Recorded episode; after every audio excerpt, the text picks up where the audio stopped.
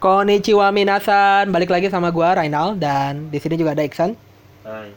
Cuma dia gak bisa ngomong ya karena dia jadi Wahyu OTW by the way. Oh, Wahyu OTW.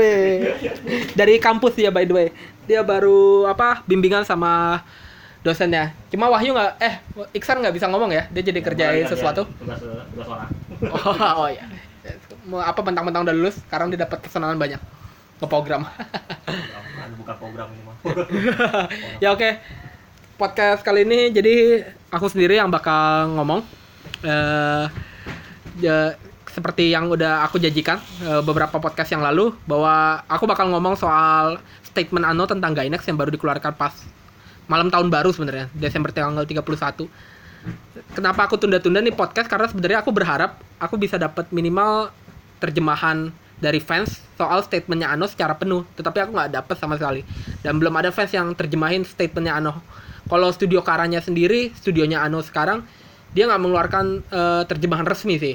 Mereka cuma terjemahan dalam bahasa Jepang. Jadi makanya aku kayak ber- menunggu selama dua minggu terakhir. Mudah-mudahan ada yang eh, berbaik hati menerjemahkan secara utuh.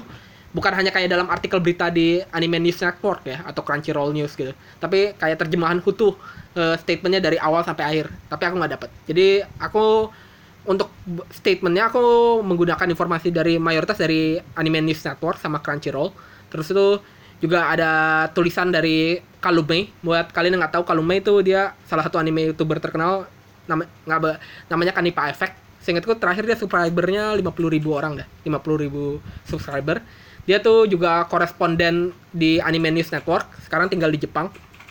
Beberapa informasi yang aku dapatkan juga dari dia salah satunya dari artikel dia yang terkenal soal sejarah Gainax yang udah aku suka banget itu artikelnya namanya Industri Industriable uh, Gainax.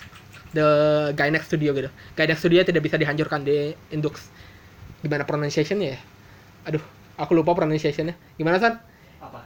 indestructible. Indestructible. Indextruc Bener. indestruc indestructible Gainax. Oke. Kan lu yang lebih jago. tapi aku lupa pronunciation Indestructible Gainax. Pokoknya intinya studio Gainax yang tidak bisa dihancurkan. Itu tulisan dalam empat part ngebahas sejarahnya Gainax dari awal.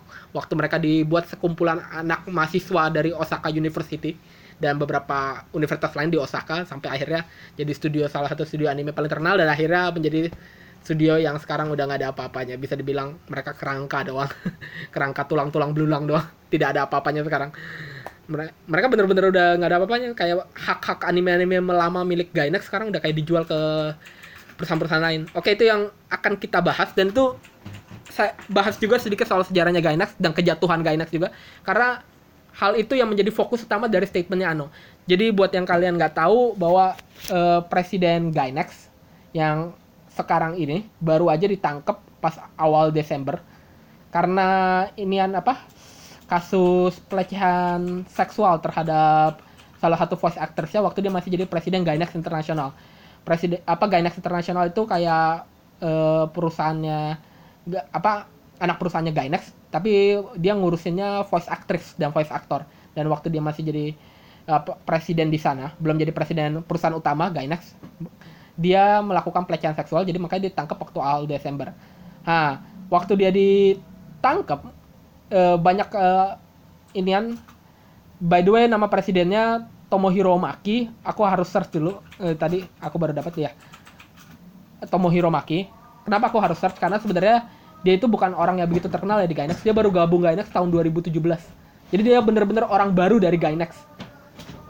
Apa orang-orang yang udah lama di Gainax yang dulu bangun Gainax itu kayak Hideaki Anno terus tuh eh, orang-orang kayak sutradara terkenal kayak Imaishi yang sekarang buat Trigger. Itu mereka nggak tahu sama sekali sama Tomohiro Maki dia baru gabung sama Gainax tahun 2017 tetapi karena dia jadi presiden Gainax sekarang dan dia ditangkap semua stasiun berita di Jepang dan portal-portal berita melaporkan beritanya seolah-olah begini judulnya Presiden Studio Gainax studio pembuat Evangelion ditangkap karena kasus pelecehan seksual. Nah, karena itulah Hideaki Anno sebagai pencipta Evangel Evangelion yang sekarang udah buat studio dia sendiri, Studio Kara. Dan yang mana dia udah menang gugatan terhadap Studio Gainax tahun 2016. Gugatan di mana dia menang bukan hanya kompensasi dari Gainax soal eh, keuntungan yang nggak pernah dibayarkan Gainax kepada dia sebagai pencipta Evangelion, tapi dia juga udah menang hak penuh atas apa Ge- Evangelion sendiri, termasuk merchandising. Dia merasa kayak banyak media-media misleading dalam membuat judul berita. Seolah-olah kayak Presiden Gainax yang sekarang ada hubungannya dengan Evangelion. Padahal dia baru gabung Gainax tahun 2017. Jauh setelah Evangelion dibuat tahun 95 kan Evangelion dibuat. Dan dia sendiri sebagai pembuat Evangelion udah nggak ada di studio Gainax lagi, dia udah buat studio sendiri dan hak atas Evangelion udah ada di studio baru dia, studio Kara.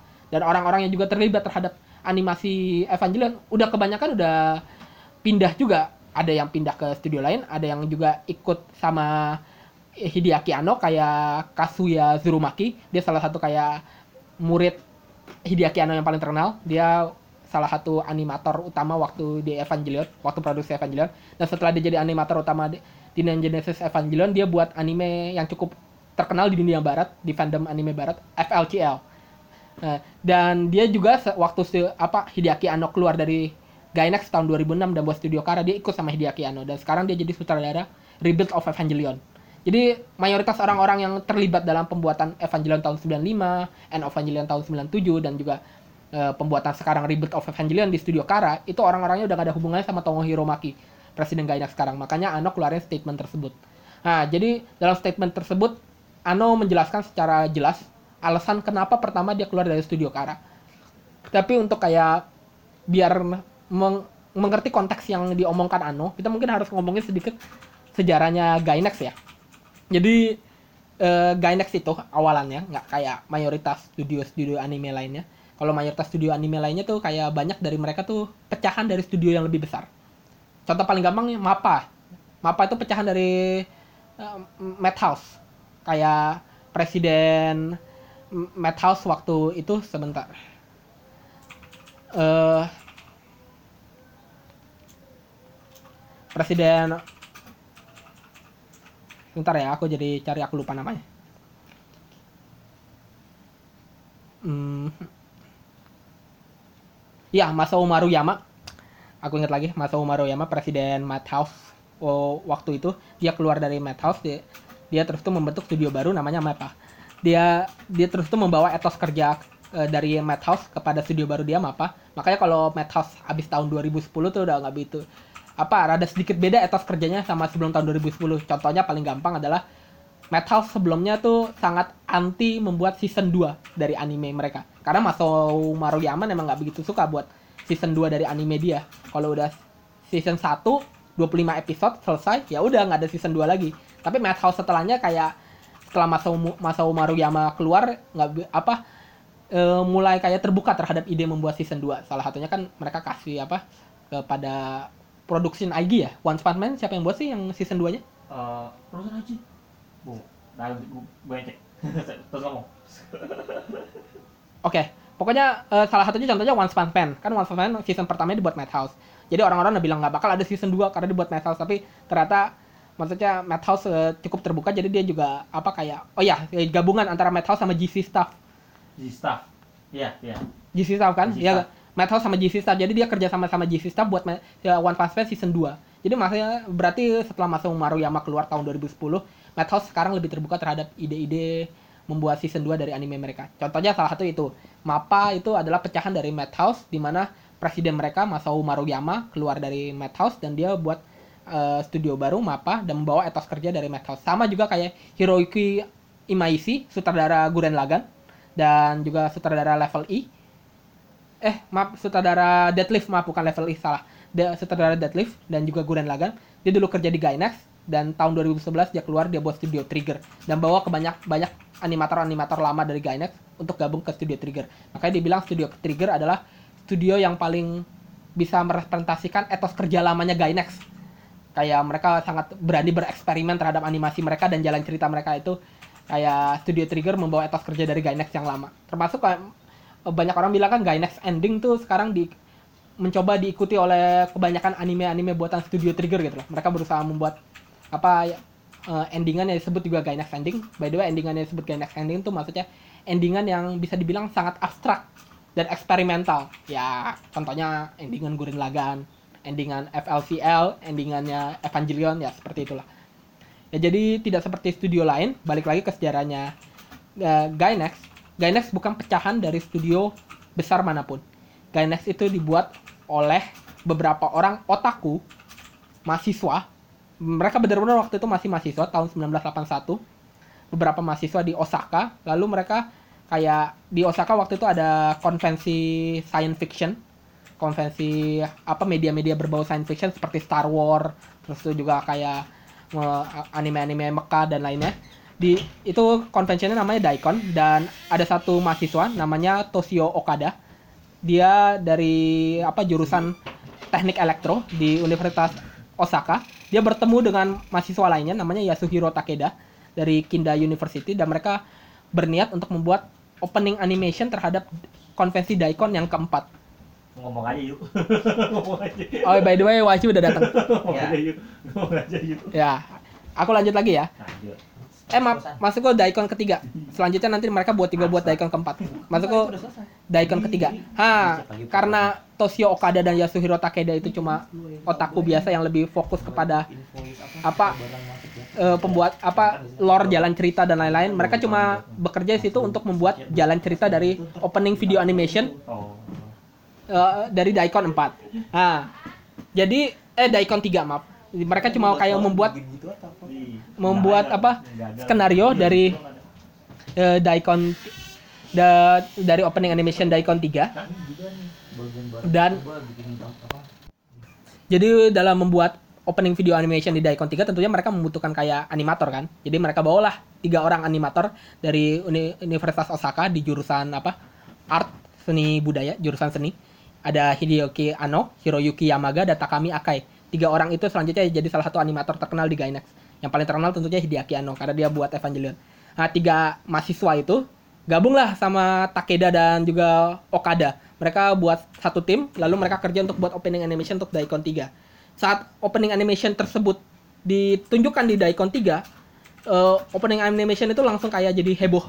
Waktu itu belum ada kata viral ya, tapi maksudnya pengunjung Daikon 3 tuh pada sangat senang dengan eh, opening animation tersebut sampai-sampai sebenarnya konvensi Daikon itu udah mau bangkrut, tetapi gara-gara penjualan CD OVA dari opening animation di Daikon 3, akhirnya mereka punya cukup dana untuk membuat eh, Daikon keempat, di mana da- ke Da- Daikon 4 timnya Okada lagi dan timnya Akaida bersama tiga animator yang disebutkan tadi bersama-sama membuat lagi opening animation untuk Daikon 4. Tapi sebelum mereka membuat opening animation Daikon 4, kesuksesan mereka di Daikon 3 membuat mereka kayak diajak untuk bekerja dalam produksi anime Macross. Hideaki Anno, Yamaga, dan Akai itu semuanya ditarik sama studio Nue dari Tokyo yang bekerja sama dengan Artland untuk membuat Macross. Wal terus itu eh, di balik di Osaka, Okada sama Takeda, mereka membuat bisnis baru namanya General Product.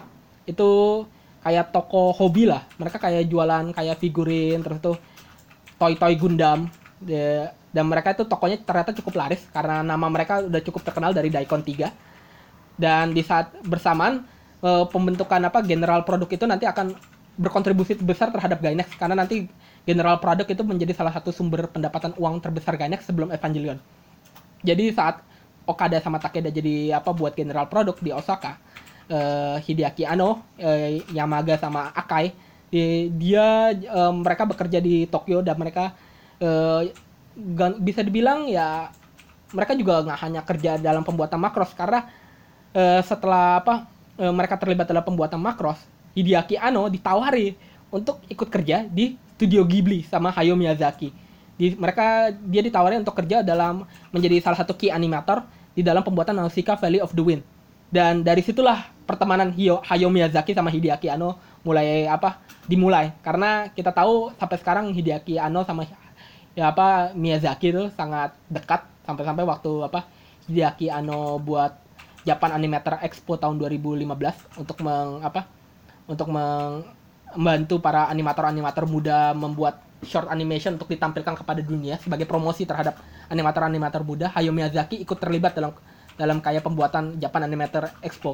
Jadi mereka udah temenan lama sejak dari tahun 80-an 85-an waktu Hideaki Anno jadi salah satu key animator di film Nausicaa Valley of the Wind, filmnya Miyazaki. Dan di situ apa Hideaki Anno pernah bilang di salah satu apa biografi resmi yang ditulis di halaman resmi Studio Kara dia bilang begini bahwa dulu tuh dia sering naik apa sepeda listrik miliknya Hayao Miyazaki yang dikasih Hayao Miyazaki ke dia. Jadi memang Hayao Miyazaki saking apa senangnya sama nih animator muda baru yang baru gabung sama tim dia dia kasih sepeda listriknya ke Hideaki Anno dan Hideaki Anno waktu di Tokyo dia sering pakai sepeda listrik itu buat ke keliling Tokyo. Nah, balik lagi ke Osaka. Sekarang udah masuk mau ke Daikon 4 dan timnya timnya Hideaki Anno bersama Okada terus itu bersama Takeda juga sekarang bergabung lagi untuk membuat animasi terbaru untuk Daikon 4. Nah, setelah animasi tersebut keluar, tentunya sukses lagi. Walaupun animasi untuk Daikon 4 nggak seterkenal Daikon 3 karena masalahnya animasi untuk Daikon 4 itu banyak referensi terhadap pop culture pop culture Amerika kayak Star Wars dan lain-lain. Jadi mereka tuh susah banget dilisensi dan dijual jadi CD OVA gitu loh. Karena kan nanti jadi masalah sama Disney ya kayak sekarang Star Wars kan haknya sama Disney masih jadi masalah kalau dia bakal kalau sekarang mereka mau jual juga CD-nya da- apa opening animation-nya Daikon 4 karena ada gambarnya Darth Vader di dalamnya gitu. Jadi makanya nggak seterkenal Daikon 3 gitu loh, opening video animation-nya sampai sekarang. Walaupun waktu pe- pembukaan Daikon 4 itu juga cukup apa eh, cukup menghebohkan para pengunjung gitu. Tapi nggak se nggak apa em, em, banyak orang yang sekarang nggak begitu tahu kalau opening Daikon 4 dibuat juga sama tim yang sama dengan opening Daikon 3 karena ya itu lisensinya susah untuk menjual apa eh, DVD OVA-nya. Tapi setelah pembukaan Daikon 4, akhirannya Okada dan Takeda memutuskan untuk eh, membuat tim mereka yang tadinya cuma tim informal, kayak tim informal kayak kumpulan mahasiswa amatiran lah eh, buat opening video animation terhadap salah satu konvensi apa konvensi otaku gitu di Jepang yang nggak konvensinya bahkan nggak waktu itu nggak belum segede apa mungkin nggak segede kayak Comic Cat atau konvensi-konvensi anime yang ada di Jepang sekarang gitu loh. Cuman emang bener-bener orang yang bener-bener apa tertarik terhadap eh, pop culture pop culture science fiction. Akhirnya mer- mereka memutuskan untuk membuat studio resmi dan studio itu akhirnya bernama Gainax. Studio Gainax dibuat tang eh, pada 24 Desember 1984 dengan bantuan dari salah satu produser di Tezuka Production, Hiroyuki Inoue. Nanti dia salah satu orang yang juga akan namanya bakal disebut dalam apa se- eh, sejarah Gainax selanjutnya karena dia nanti ada apa akan terlibat eh, cukup cukup dalam lah dalam studio Gainax. Jadi intinya pada tanggal 24 Desember 1984 studio Gainax dibuat dan di saat bersamaan general produk buat buatannya Okada dan Takeda itu nggak gabung sama studio Gainax sih, tapi mereka kayak sekarang mulai bekerja bersandingan bersama-sama. Jadi profitnya dari general produk itu masuk ke studio Gainax untuk ke studio Gainax membuat uh, animasi baru. Nah, tapi setelah Gainax kayak apa? eh, setelah Gainax eh, diciptakan, mereka tuh terlibat dalam beberapa kayak membantu beberapa studio yang lebih besar untuk membuat animasi salah satunya Macross buatan Artland dan studio Inoue. Tetapi nggak lama apa nggak begitu lama kayak sekitar dari 84 sampai 92 berarti 8 tahun setelah 8 tahun studio Gainax berdiri, salah satu pendiri studio Gainax sendiri orang pertama dari Osaka University jurusan teknik elektro yang mengumpulkan tim animator itu untuk membuat animasi Daikon, Daikon 3 itu keluar dari Gainax. Alasannya sampai sekarang nggak ada yang tahu, tetapi salah satu apa salah satu produser di eh, Gainax yaitu Hiroaki, Hiroaki Inoue sendiri dan juga temennya temennya apa eh, Okada sendiri Yamaga salah satu animator pertama yang ikut gabung dalam timnya dia bilang bahwa salah satu alasan kenapa Okada keluar itu sebenarnya dia dipaksa keluar sama anggota-anggota Gainax yang lainnya karena perencanaan buruk dia saat membuat eh, anime Nadia Secret of the Blue Water. By the way, bagi yang nggak tahu Nadia Secret of Blue Water itu anime directorial debut pertama Hideaki Anno. Dan anime tersebut banyak orang suka dan ratingnya cukup bagus kalau kamu lihat review-review di internet. Tapi banyak orang nggak begitu suka endingannya. Jadi anime itu eh, sekitar ada 36 episode ya seingatku.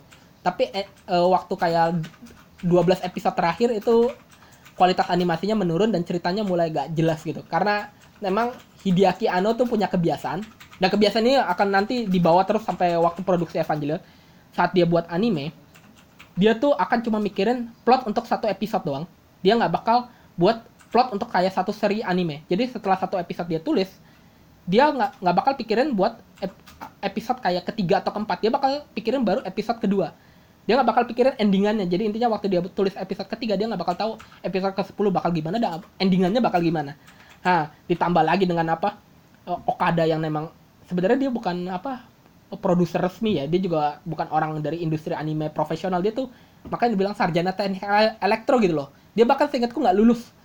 Dia nggak lulus teknik elektro. Dia kayak keluar dari teknik elektro karena dia mau ngelanjutin bisnisnya di general product. Yang toko hobi dia tuh yang jualan apa figurin-figurin dan juga robot-robot Gundam gitu jadi tuh ya dia bukan orang profesional jadi memang planning dia buruk. Dan bahkan bisa dibilang waktu zamannya Okada itu kayak produksinya Nadia gitu itu sistemnya begini.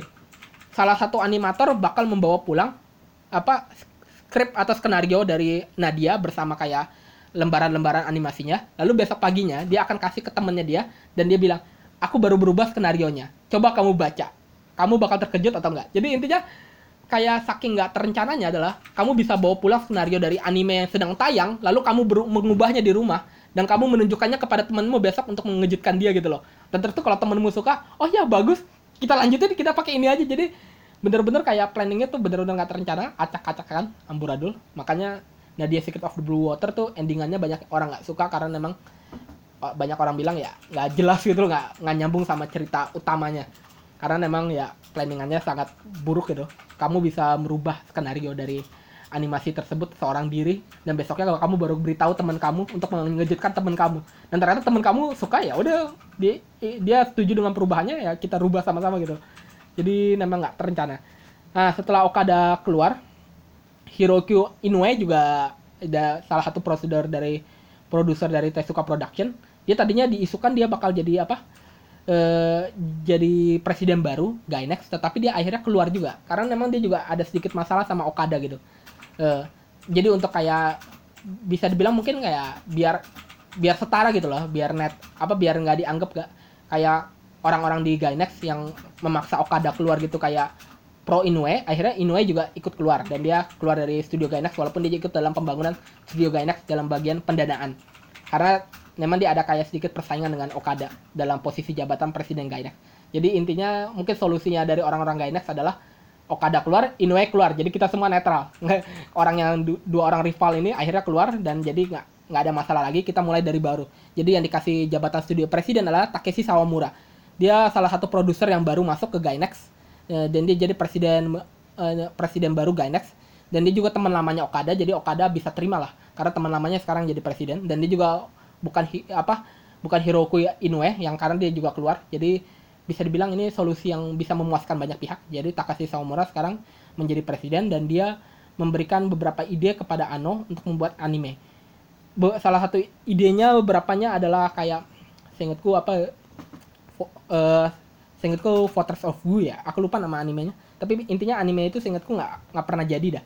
Pokoknya waktu zamannya Takeshi Sawamura permasalahan Gainax nggak yang du- du- dulunya perencananya amburadul waktu zamannya Okada nggak sepenuhnya selesai gitu loh. Apalagi waktu tahun sekitar tahun 93 itu General Paradox akhirnya bangkrut gara-gara keputusan bisnis Takeshi Sawamura yang sangat buruk di mana dia berusaha membuka cabang General Paradox di Amerika. Dia membuat toko hobi pertama di Amerika lah, menjual merchandise-merchandise anime. Tetapi rencananya dia adalah kita buat general produk di Amerika, tetapi kita beli barang-barangnya dari Animate di Akihabara di Tokyo. Terus tuh kita kirim ke Amerika. Terus tuh kita naikin harganya. Langsung waktu sebelum mereka bisa membeli barang-barang dari Animate, Animate langsung blok mereka. Mereka masuk dalam blocklist karena mereka berusaha kayak menspekulasi barang-barang dari Animate. Jadi kayak apa ya? Mereka kayak cuma spekulan gitu loh. Eh, rencananya Takeshi Sawamura buat general produk di Amerika tuh kayak cuma spekulasi barang-barang yang dibeli dari Jepang terus itu dijual di Amerika dengan harga yang lebih mahal lebih kepada kayak tipsen sekarang loh titip order gitu. Jadi rencananya gagal walaupun dia udah kayak menginvestasikan duit cukup banyak untuk membuka general produk di Amerika kayak mereka udah udah kayak sewa tempatnya terus mereka udah hubungi beberapa apa partner bisnis jadi Amerika tetapi akhirnya gagal dan itu salah satu keputusan bisnis buruk dari Takashi Sawamura karena akhirnya general produk bangkrut dan tutup setelah 10 tahun. Padahal itu sumber pendapatan utama Gainax. Dan akibatnya Gainax waktu itu kesulitan duit dan ke banyak uh, anime-anime yang direncanakan untuk dibuat da, da, Gainax salah satunya Guru Fortress itu yang harusnya Hideaki Anno sutradarai akhirnya nggak jalan.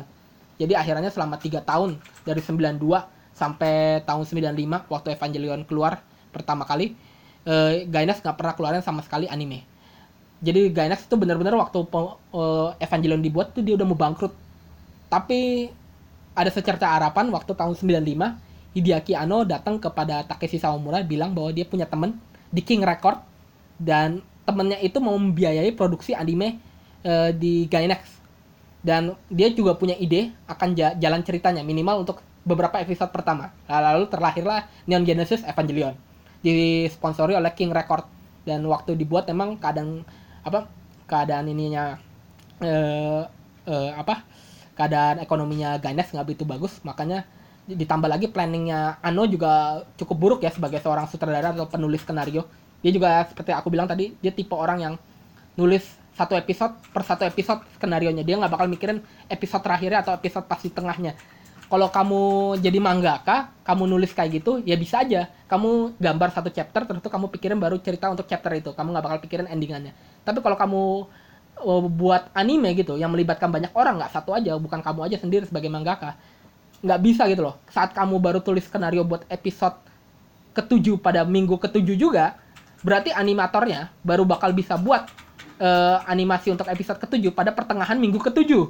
Jadi mereka pasti akan terburu-buru saat membuatnya karena baru pas pertengahan minggu ketujuh lah mereka bisa bu buat animasinya setelah Hideaki Anno kasih skenario nya dan begitu pun terulang terhadap minggu ke-8 baru minggu ke-8 uh, Hideaki Anno buat waktu awal minggu ke-8 dia buat skenario untuk episode ke-8 dia, dia kasih apa ke tim animasinya untuk minggu ke-8 pas pertengahan akhirnya mereka terburu-buru lagi.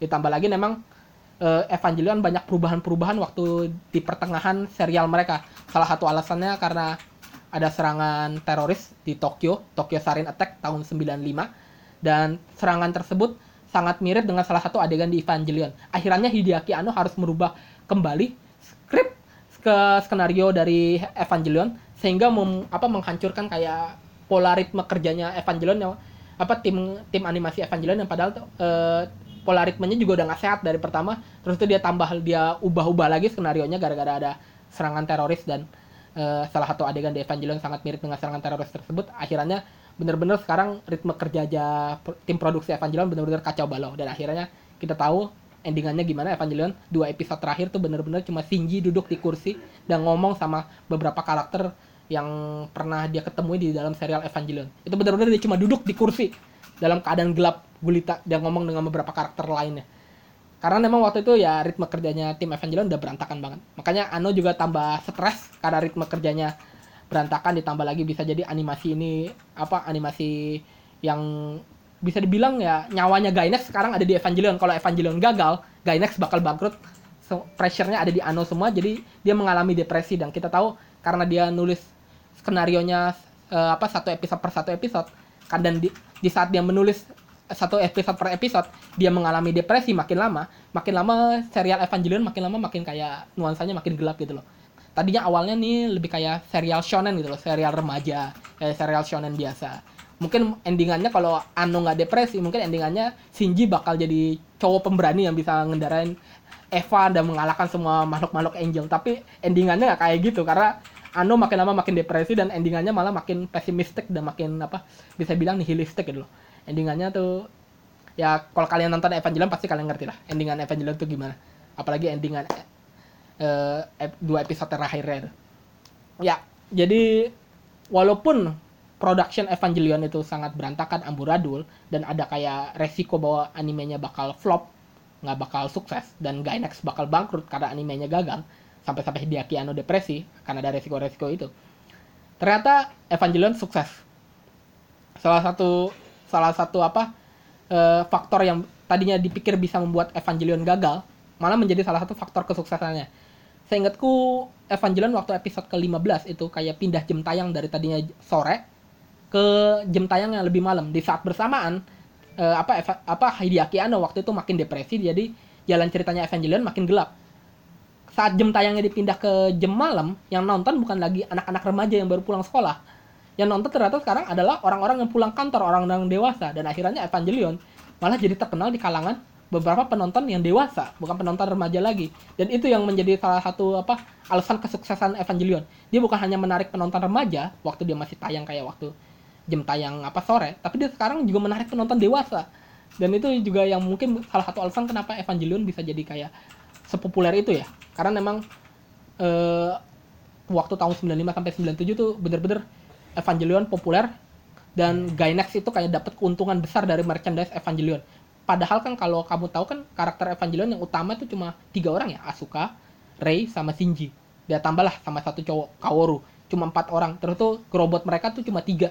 Robotnya Asuka, robotnya Rei, sama robotnya Shinji. tuh kok dibandingin sama Gundam yang kayak robotnya ada bermacam-macam tuh mereka tuh cuma punya tiga robot ya berarti mereka cuma bisa buat tiga jenis merchandise tetapi keuntungan mereka tuh sangat banyak. Saking apa saking terkenalnya Evangelion waktu tahun 95 sampai tahun 97 dan keuntungan tersebut jalan terus sampai tahun 98 saking saking saking apa eh, sampai-sampai saking banyaknya keuntungan yang didapat Gainax sebelum-sebelumnya Gainax hampir bangkrut sekarang dia dapat duit yang sangat banyak dari penjualan merchandise Evangelion Takeshi Sawamura tahun 98 ditangkap sama kepolisian Jepang atas penyelewengan pajak. Sampai sekarang alasan Takeshi Sawamura melakukan penyelewengan pajak itu nggak pernah jelas. Jadi memang Takeshi Sawamura waktu tahun 98 terbukti bersalah bahwa dia apa menulis keuntungan Evangelion le- lebih rendah dari keuntungannya sebenarnya. Biar dia bisa membayar pajak le, Ga- Gainax lebih rendah. Alasan dia tuh sampai sekarang masih belum jelas. Ada dua teori. Teori pertama adalah Takeshi Sawamura melakukannya agar dia bisa menyimpan duit untuk apa dana cadangannya Gainax. Dia dia tahu bahwa Gainax sebelum sebelumnya tuh hampir mau bangkrut karena nggak punya planning. Jadi dia berusaha untuk menyimpan dana cadangan agar gak selanjutnya kalau andaikan Gainax eh, hampir mau bangkrut lagi Gainax nggak bakal bener-bener bangkrut karena dia masih punya dana cadangan. Salah satu cara untuk mendapatkan dana cadangan tersebut adalah mengurangi pajaknya Gainax dengan menuliskan profit di profit Evangelion lebih rendah daripada yang sebenarnya. Itu salah satu alasannya. Teori yang orang-orang spekulasikan. Teori keduanya adalah Takeshi Sawamura seperti kebanyakan orang-orang Gainax sebelumnya dia juga nggak begitu ahli dalam apa melakukan planning dan juga melakukan apa manajemen terhadap duit yang sangat banyak. Jadi dia melakukan kesalahan dalam penulisan pajak. Jadi kayak bisa dibilang kejahatan yang nggak sengaja gitu loh. Karena dia nggak pernah kayak apa mengurusi duit sampai miliaran dolar yen, gitu dari keuntungan Evangelion. Jadi dia melakukan kesalahan dalam penulisan karena dia nggak pernah nanganin duit sebanyak ini. Tapi setelah Takeshi Sawamura ditangkap, eh, eh, apa studio Gainax nggak langsung kayak tiba-tiba turun malah studio Gainax bisa dibilang masuk ke era baru gitu loh. Di era baru ini animator-animator muda yang dulu kerja di bawah Hideaki Anno buat Evangelion dapatlah dia mulai dapat kayak apa? Dapat ini apa dapat spotlight untuk membuat animasi mereka sendiri. Salah satunya Kazuya Tsurumaki yang selanjutnya dia bakal membuat animasi FLCL yang juga salah satu anime terken- paling terkenal dari Gainax setelah Evangelion. Bahkan bisa dibilang Oh mungkin dia ketiga terken- paling terkenal dari Gainax setelah Evangelion dan Gurren Lagann ya. FLCL itu fans-fansnya tuh banyak banget dan fans-fansnya tuh pada fanatik banget sama fansnya FLCL. Eh, Kazuya Tsurumaki dia membuat FLCL sekitar 4 episode. FLCL itu sebenarnya OVA, tetapi kayak penggemarnya banyak jadi banyak orang nggak sadar bahwa itu cuma 4 episode OVA. Makanya aku sendiri nonton FLCL tuh udah beberapa kali, kayaknya udah tiga kali aku nonton FLCL ya. Karena cuma 4 episode ya, bisa nonton berulang-ulang gitu. Pendek. Eh maaf, 4 episode atau 6 episode ya? Aku lupa juga ya. Kayaknya 4 episode deh, seingetku. Kalau aku nggak salah ya. Aku biasanya nontonnya episode pertama sama episode terakhirnya sih. Kalau episode pertama terakhirnya aku nonton lebih dari tiga kali itu pasti. Itu aku nonton kayak berulang-ulang.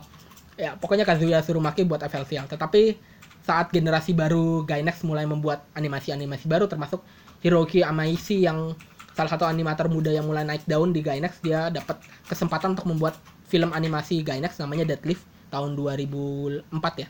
Pada tahun 2006 Hideaki Anno keluar dari Gainax. Dan dia membuat studio baru Studio Kara. Waktu itu nggak ada satupun yang menyangka nggak Hideaki Anno salah satu pendiri Gainax. Dia bakal keluar dari Gainax. Apa alasannya gitu loh? Ini studio yang membesarkan nama dia dan dia salah satu yang mendirikan juga dan dia juga yang bekerja untuk membuat salah satu animasi paling terkenal dari Gainax Evangelion. Tetapi dia keluar. Nah waktu itu orang-orang nggak ada yang tahu kenapa alasannya. Orang-orang cuma berpikir bahwa mungkin Hideaki Anno cuma mau buat apa apa animasi sendiri yang mana ide animasi tersebut nggak disetujui sama eh, eksekutif eksekutif yang ada di Gainax saat itu. Dia buat studio Kara lah. Tapi lewat statementnya studio apa statementnya studio Kara yang baru dikeluarkan Hideaki Anno pada malam tahun baru kemarin tanggal 31 Desember 2019 Hideaki Anno mengaku bahwa salah alasan utama dia keluar dari Gainax adalah karena Gainax apa memperlakukan animator mereka termasuk dia sendiri sangat buruk. Gaji mereka sangat rendah dan kebanyakan keuntungan Evangelion itu nggak masuk kepada kantong para animator ya. Termasuk kantongnya dia sebagai pencipta Evangelion dan sutradara Evangelion tetapi mayoritas masuk kepada kantong eksekutif Gainax.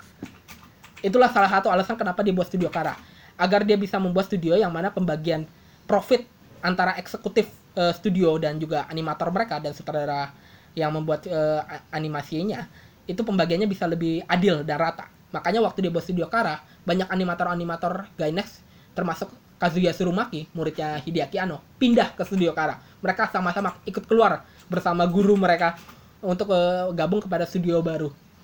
Ma- makanya bisa dibilang itu eksodus pertama dari apa studio Gainax.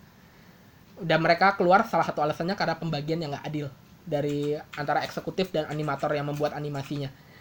Makanya Ano berjanji di studio Kara bahwa dia akan memperlakukan animatornya berbeda dengan perlakuan yang ada di Gainax. Dia akan mem- memperlakukan animatornya dengan lebih adil dan lebih setara. Nah, setelah Hideaki Kuz- Kazuya Tsurumaki dan animator-animator Gainax lainnya keluar dari Gainax, Hiroiki Amaishi mulailah dapat spotlight di Gainax dan dia mulai mendapat apa job-job untuk membuat animasi-animasi baru di Gainax. Dan salah satu karya animasi dia yang paling terkenal dibuat tahun 2007 namanya Guren Lagann. Dan itu animasinya seingatku disponsori aku lupa ya, tapi seingatku pokoknya Tezuka Production juga ya. Aku lupa sih siapa yang sponsori. Pokoknya intinya Hiroki Amaishi dapat sponsor untuk membuat ide animasi baru namanya Guren La eh, Guren Lagann. Dan animasi tersebut tuh sangat bisa dibilang cuk, sangat terkenal lah bisa bilang animasi anime paling terkenal kedua setelah Evangelion yang dibuat pernah dibuat Gainax. Dan sampai sekarang banyak penggemarnya yang juga fanatik. Eh sebentar gua oh ya yang danai by the way bukan Tezuka Production Aniplex. Nama produsernya Yosuke Toba. Dia produsernya eh, Guren Lagann. Dia yang dap, apa memberikan green light kepada Hiroki Amaishi eh, untuk membuat Guren Lagann di bawah studio Gainax. Tetapi pada tahun 2011 Hiroiki Amaishi dan Masahiko Otsuka salah satu animator lainnya dari Gainax keluar dari Gainax dan sekarang mereka buat studio baru studio Trigger yang tentunya kalian mungkin sekarang tahu ya Studio Trigger itu apa ya. Dan bersama dengan pembuatan Studio Trigger, dia juga bawa produser Animeplex Yosuke Toba yang mana produser Animeplex tersebut Yosuke Toba dia berjanji akan mendanai Studio Trigger. Jadi bukan hanya animator-animator ini keluar dari Gainax, tetapi mereka juga kayak membawa kayak donatur-donatur utama mereka yang membantu mereka membuat anime waktu mereka masih di, kerja di studio Gainax.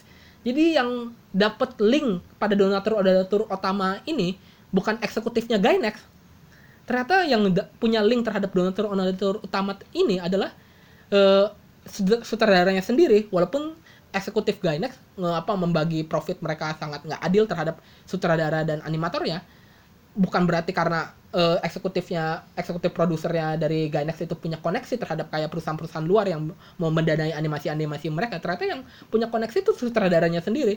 Termasuk Hideaki Anno waktu dia keluar dari studio Gainax dia membawa koneksi dia dengan King Record kepada studio Kara. Makanya sekarang Rebirth of Evangelion salah satu apa donatur utamanya King Record juga donatur utama anime Evangelion yang asli yang dibuat Gainax tahun 95 jadi yang punya koneksinya adalah sutradara Gainax sendiri. Jadi saat mereka keluar dan buat studio baru mereka juga membawa donatur-donatur utama Gainax kepada studio baru mereka.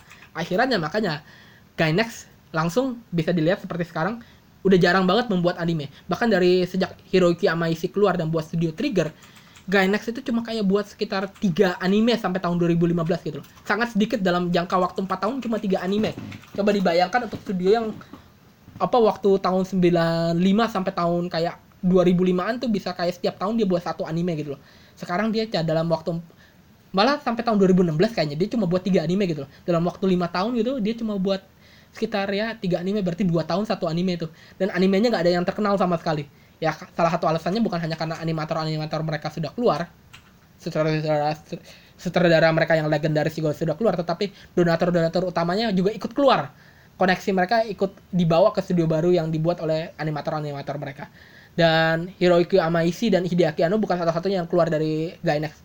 Ada Atsushi Nishogori dia tuh karakter designer dari salah satu anime eh, buatan Hiroki Amaishi waktu dia masih di Gainax. Panty and Stocking itu sekitar tahun 2008 nggak seterkenal yang Guren Lagann FLCL atau Evangelion tetapi Panty and Stocking itu cukup banyak peng- penggemarnya juga. Ada beberapa penggemarnya lah. Itu Panty and Stocking itu animasinya bener-bener nggak kayak anime. Malah lebih mirip kayak animasinya Family Guy. Bahkan gaya joknya tuh mirip sama Family Guy Fami- Family Guy atau kartun-kartunnya Zack McLaren dari Fox News gitu loh dari TV Fox di Tahu Amerika nggak mereka gitu. aku rasa aku rasa mereka tahu banyak orang udah ta- beda nah. ya Enggak, masalahnya baru ngerasa ya, tapi kita belum bisa nentuin. Iya, iya. Rata-rata pendengar kita tuh kagak pernah nonton Family Iya, tapi Simpsonnya gue nggak nonton. Iya, ya juga tapi tahu maksudnya intinya aku aku mau bilang bahwa gaya joknya itu di Panty and Stocking itu nggak kayak gaya jok anime lebih kayak kayak jok eh, di set McLaren gitu loh. Ya. Pakai banyak jok-jok seksual terus tuh jok-jok ya rada-rada kotor. Jok western ya, jok Ya, western. lebih seksual sih sama Iya, eh, bukan jok-jok maksudnya. kotor. Dan terus tuh gaya animasinya juga mirip Power Powerpuff Girl, San. Powerpuff Girl ya. Powerpuff Girl. Powerpuff Dan makanya ada beberapa bilang ini Power Power apa? Powerpuff Girl. Powerpuff. ya sorry, aku kadang-kadang suka prono- salah pronunciation ya. Power. Powerpuff Girl itu kayak kayak versi Powerpuff Girl yang on crack gitu loh. Iya, fans. Iya, Powerpuff Girl on crack gitu. Karena animasinya mirip kayak anima apa kartun anak-anak dari Amerika Powerpuff Girl tetapi jok-joknya tuh jok-jok dewasa. Panty stocking. Itu karakter desainernya atau si Nisegori balik lagi. Dia tuh setelah Hiroyuki Amaishi keluar, dia tuh juga nggak lama kemudian dia keluar dari Gainax. Dia sempat buat apa eh, eh, satu anime di Gainax setelah Hiroyuki Amaishi keluar tahun 2012 namanya Dantalian. Cuma animasinya nggak begitu terkenal ya, bener-bener nggak ada yang tahu. Bahkan aku nggak pernah nonton, dan aku baru denger waktu aku mulai research sejarahnya Gainax. Namanya animenya Dantalia no, no Shoka deh, aku lupa. Pokoknya anime gotik lah. Tahun 2012 dia keluar dan dia se- selanjutnya bergabung dengan A1 Picture. Nah di A1 Picture dia selanjutnya terkenal sebagai pencipta dari salah satu anime idol paling terkenal. Bisa ditebak yuk? Apa? Idol Master. Iya, Atsushi Nishigori adalah yang menciptakan Idol Master di A1 Picture. Dia salah satu karakter desainer di sana dan juga sutradara dari Idol Master. Dan se- sekarang dia terakhir karya dia yang terakhir adalah kolaborasi antara A1 Picture dan Studio Trigger dan dengan teman-teman lama dia di Studio Trigger yaitu Hiroyuki Amaishi dan lain-lain. Dia dia menjadi sutradara Darling in the Frank. Iya, Darling in the Frank kan itu hasil kolaborasi dari Trigger dan A1 Picture. Makanya mungkin sa- makanya itulah plagiat. Iya, makanya yang buat pun orang-orang Gainax atau sini Segore kan dulunya di Gainax dan terus tuh yang apa presidennya Studio Trigger kan Hiroyuki Amaishi teman lama dia. Dulu mereka kerja sama di Gainax. Kerja bareng-bareng bukan kerja sama lagi, mereka kerja bareng-bareng dalam pembuatan apa Guren Lagann lah, Panty Stocking dan lain-lain. Dan selain itu ada juga eh, CG artis Yutaka Umemura. Ih, nemu aja anjir. Dia dia juga keluar dari Gainax Iya. Dan dia eh, selanjutnya gabung sama Studio Mappa. Dan dia di Studio Mappa dia me- menjadi sutradara dari animasi apa serial animasi bernama Punchline. Nggak begitu terkenal juga sih tapi eh, aku denger animasinya tuh bener-bener kayak gaya-gaya Gainax lah.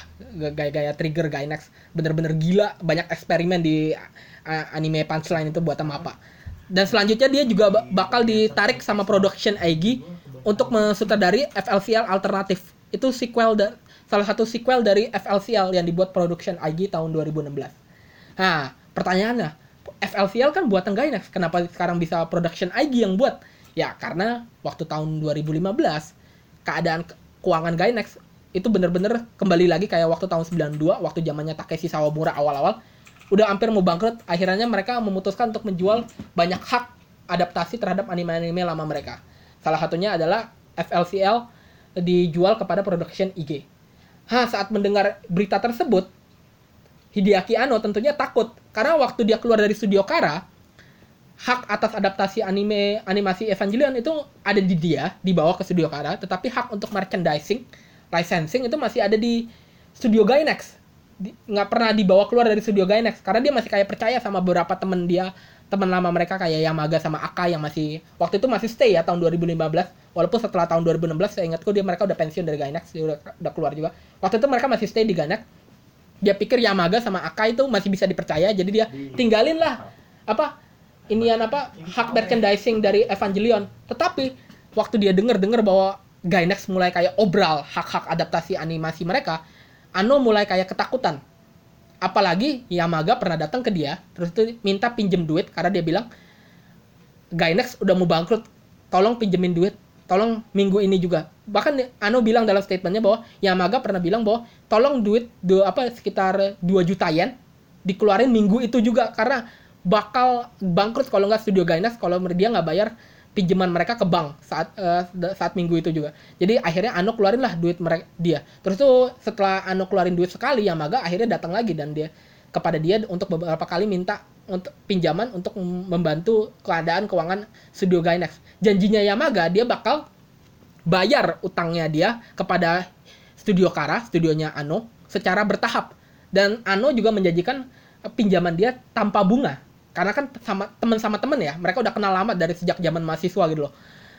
Karena teman sama teman mereka eh, buat perjanjian bahwa pinjaman ini tanpa bunga. Tetapi waktu apa sejak Hideaki Anno pinjemin tahun 2014 sampai tahun 2016 selama 2 tahun Yamaga nggak pernah kayak apa eh, membayar apa kewajiban dia terhadap Ano pinjaman dia. Kayak walaupun janjinya akan dibayar kayak setiap bulan Yamaga eh, cicilannya akan dibayar setiap bulan. Yamaga nggak pernah sekalipun kayak mengirimkan dana kepada Ano. Akhirnya Ano memutuskan waktu tahun 2016 ditambah lagi dengan berita Gainax mau meraku- melakukan obral terhadap hak-hak animasi mereka.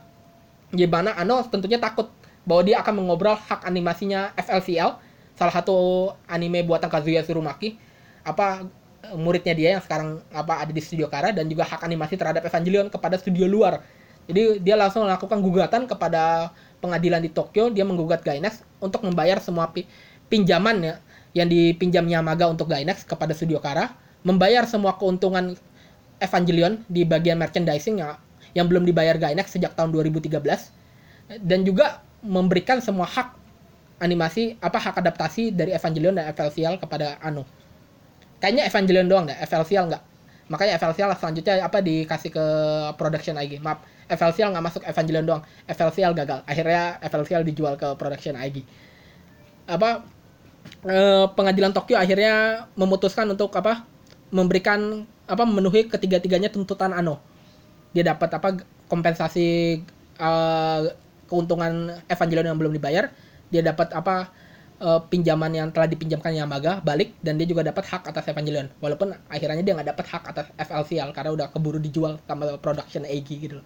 Karena memang harapan awalnya Ano waktu dia minjemin duit ke yang Yamaga, harapan dia adalah karena dia pinjemin duit ke Yamaga, teman lama di Gainax, teman lamanya di Gainax itu akan membantu dia untuk mem- eh, ber- apa bertahap memberikan hak adaptasi dari FLCL dan Evangelion kepada dia gitu loh. Yang maksudnya teman sama teman, aku udah pinjemin kamu duit tanpa bunga, kamu minimal bantu aku untuk dapat animasi yang dulu aku sempat bantu buat untuk dapat haknya kembali kepada studio yang aku buat sekarang loh. Ya by, by the way ya teman sama teman minta imbalan balik lah. Taulah ba- balas budi gimana. Tapi Yamaga nggak pernah melakukan balas budi tersebut. Dia nggak pernah bayar duit pinjamannya dan dia juga nggak pernah membantu Ano untuk mengapa memberikan ap- mendapatkan hak atas anima animasi yang pernah dia buat. Bahkan akhirnya dia jual FLCL ke production IG. Dan untung aja Evangelion lewat apa putusan pengadilan Tokyo eh, hak adaptasinya udah di apa diberikan kepada Hideaki Anno sebagai pendiri studio Kara. Jadi itu statement panjangnya Ano. Statementnya memang aku baca ba- apa cukup panjang makanya aku nggak bisa tran- main translate aja pakai Google Translate.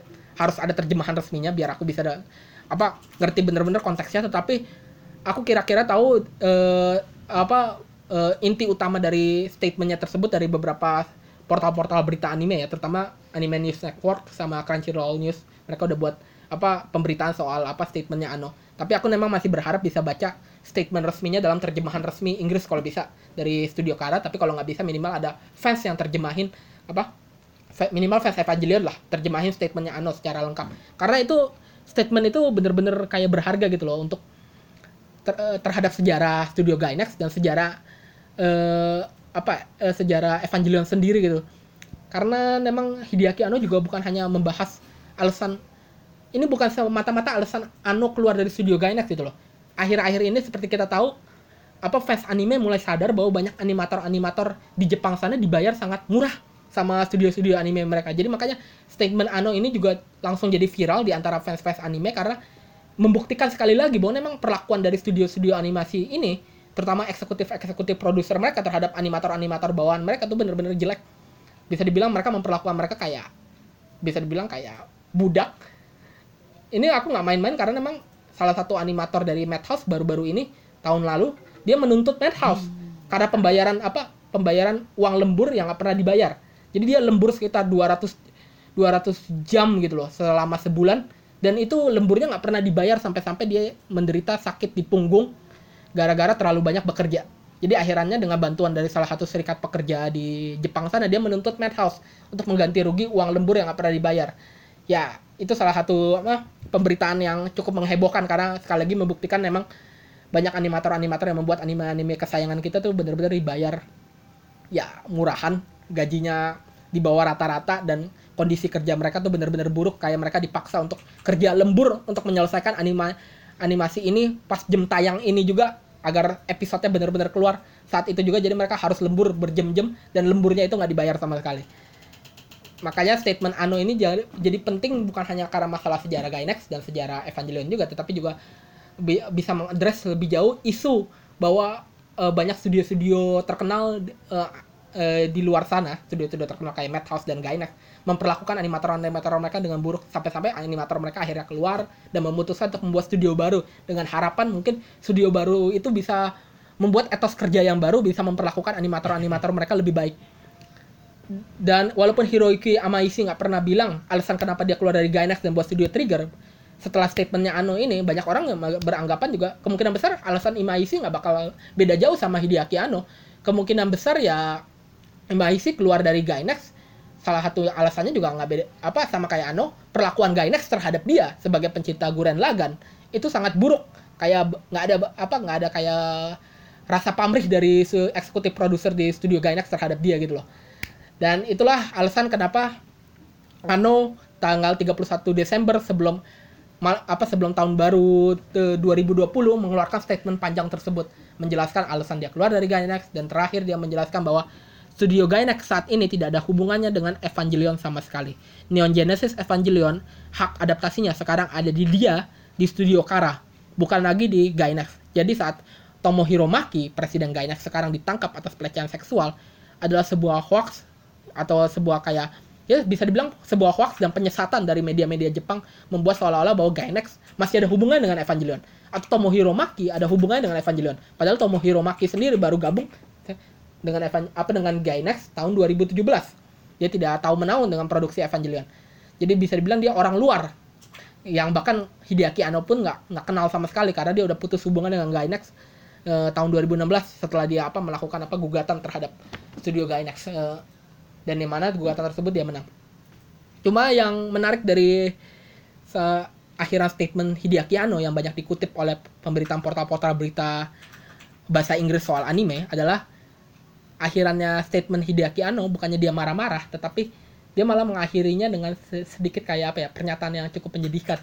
Dia bilang begini, sebenarnya yang paling menyedihkan dari saya harus keluar dari studio Gainax dan buat studio Kara dan lalu akhirnya saya harus menggugat studio Gainax untuk mendapatkan hak-hak saya kembali adalah bahwa orang-orang yang saya gugat di studio Gainax adalah teman-teman lama saya.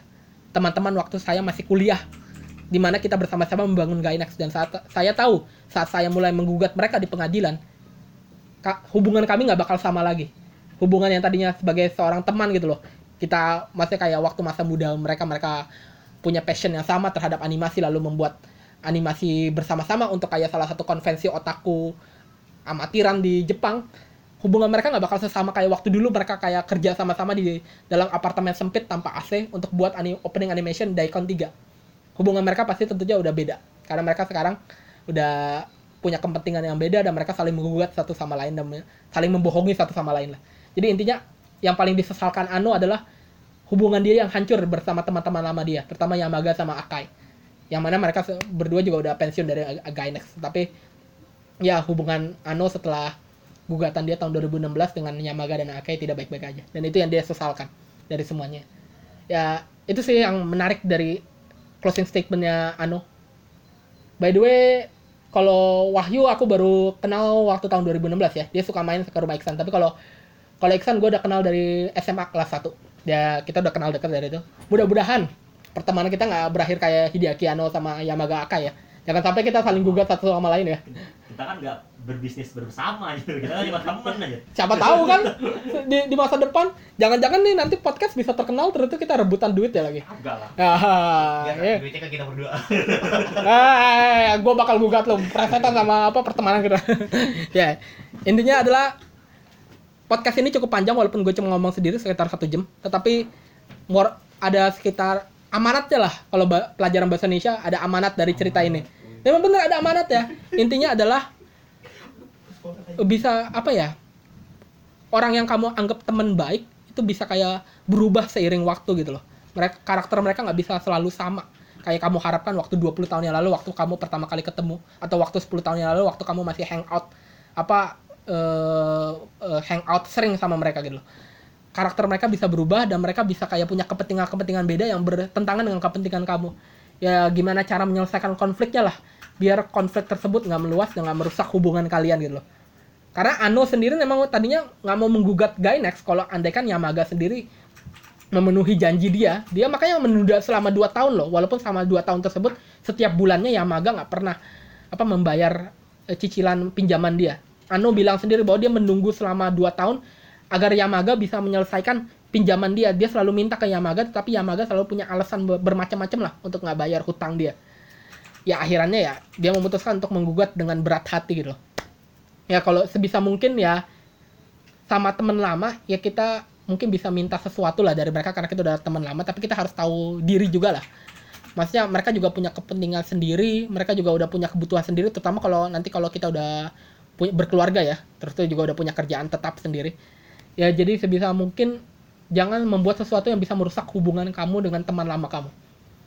Karena kalau sekali udah rusak ya udah nggak bisa diputar balik waktu diperbaiki lagi. Seperti katanya Ano eh, bahwa hal yang paling dia sesalkan adalah dari ini semua adalah bukan dia tidak bisa mendapatkan duit dia balik. Apa dia, dia kayak minjemin duit ke orang terus itu orang tersebut nggak bayar-bayar ke dia jadi kayak duit dia mati gitu loh di orang lain. Kayak duit dia ada di orang lain selama bertahun-tahun dan dia nggak di- dia nggak bisa pakai karena di orang tersebut nggak balik-balikin hutangnya sampai diperintahkan pengadilan.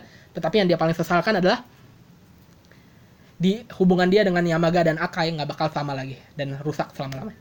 Ya itu semua apa podcast panjang saya soal Gainax. Makanya kenapa saya harus buat podcast ini sendiri? Nggak aku omongin waktu di podcast yang lalu karena aku tahu bakal wah episode podcast ini bakal panjang.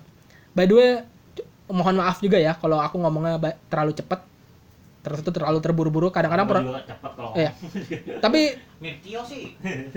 ya pronunciation gue juga kadang-kadang suka salah terutama dalam bahasa Inggris kayak aku kadang-kadang kalau jadi apa ngomong Mainnya itu Lia, si Rana tuh Lia Advance lah. Hah?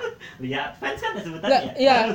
Tapi masalah begini san kalau aku ngomong full bahasa Inggris Hmm. aku langsung kayak otomatis otakku bekerja dalam bahasa Inggris tapi Ya. saat aku ngomong bahasa Indonesia dan aku mau pindah ke kata bahasa Inggris Ya. agak lebih susah Hmm. tapi kan aku nggak mungkin bisa ngomong full bahasa Inggris kan Hmm. nanti banyak orang nggak ngerti gitu loh Ya, intinya adalah mohon maaf kalau podcast ini banyak kekurangan dan cukup lama. Dan mungkin bagi beberapa orang cukup membosankan ya dengerin gua bahas sejarahnya Gainax. Tetapi kalau kamu mau tahu lebih lanjut sejarahnya Gainax, kamu bisa baca tadi yang artikel yang aku saranin dari Kalum Mei, Kanipa Effect by the way, nama YouTube dia Kanipa Effect, nama apa nama asli dia Kalum Mei. Dia salah satu kontributor di ANN juga Anime News Network, Indestructible of Gainax Gainax Studio. Itu ada empat part tulisannya. Dan itu kamu bisa baca itu lengkap sejarahnya Gainax dan akan lebih detail dan jelas daripada omongan gua saat ini. Salah satu apa? Salah sa- salah satu eh, koresponden bukan koresponden ANN sih, tapi dia pacarnya Kalume. Dia salah satu penerjemah dari autobiografinya Mari Okada. Ta- Tahu kan Mari Okada kalian semua? Tahu nggak yuk Mari Okada? Enggak. Pencipta Anohana. Maaf, enggak enggak tertarik. Oh kamu nggak begitu suka sama Anohana? Iya. Oh. Nonton aja belum, baru baca baru satu bab. Oh ya udah. Pokoknya itu pacarnya dia adalah pacarnya Kalume itu Dan- dengan nama Twitter Frogkun. Nama di nama asli dia adalah Kim Morrissey. Di, dia sekarang juga tinggal sama Kalume di di Tokyo Jepang. Dia juga sering me- apa mengetweet banyak berita-berita dari tentang anime gitu loh. Dia kan bisa bahasa Jepang, jadi biasanya dia langsung mentranslate kalau ada berita, dia langsung translate di dalam tweet dia. Langsung beritahu, oh ada breaking news ini. Dan aku pertama kali tahu bahwa Ano keluarin statement resmi bukan dari Twitter resminya Studio Kara karena aku nggak bisa baca bahasa Jepang ya apa statement resminya tapi dari Kim Morrissey ini nama Twitter dia @frogkun itu kalau kamu follow nggak bakal nyesel dah dia banyak melakukan pemberitaan-pemberitaan penting soal anime dari situ aku taunya dia langsung apa mengetweet dia bilang bahwa Studio Kara baru aja mengeluarkan statement resmi dari Hideaki Anno tentang alasan dia keluar dari Studio Gainax dan dari situ dia aku pertama tahu udah beritanya. Ya itu semua sih. Kalau kalian mau tahu lebih lanjut soal apa Gainax dan anime secara general. Ya aku tutup ya sekarang podcastnya karena udah kelamaan udah hampir mau sejam. Ngomong jane. oke mau sama-sama. Kalian udah bertiga nih. Boleh, boleh. ya udah satu dua tiga. Jane.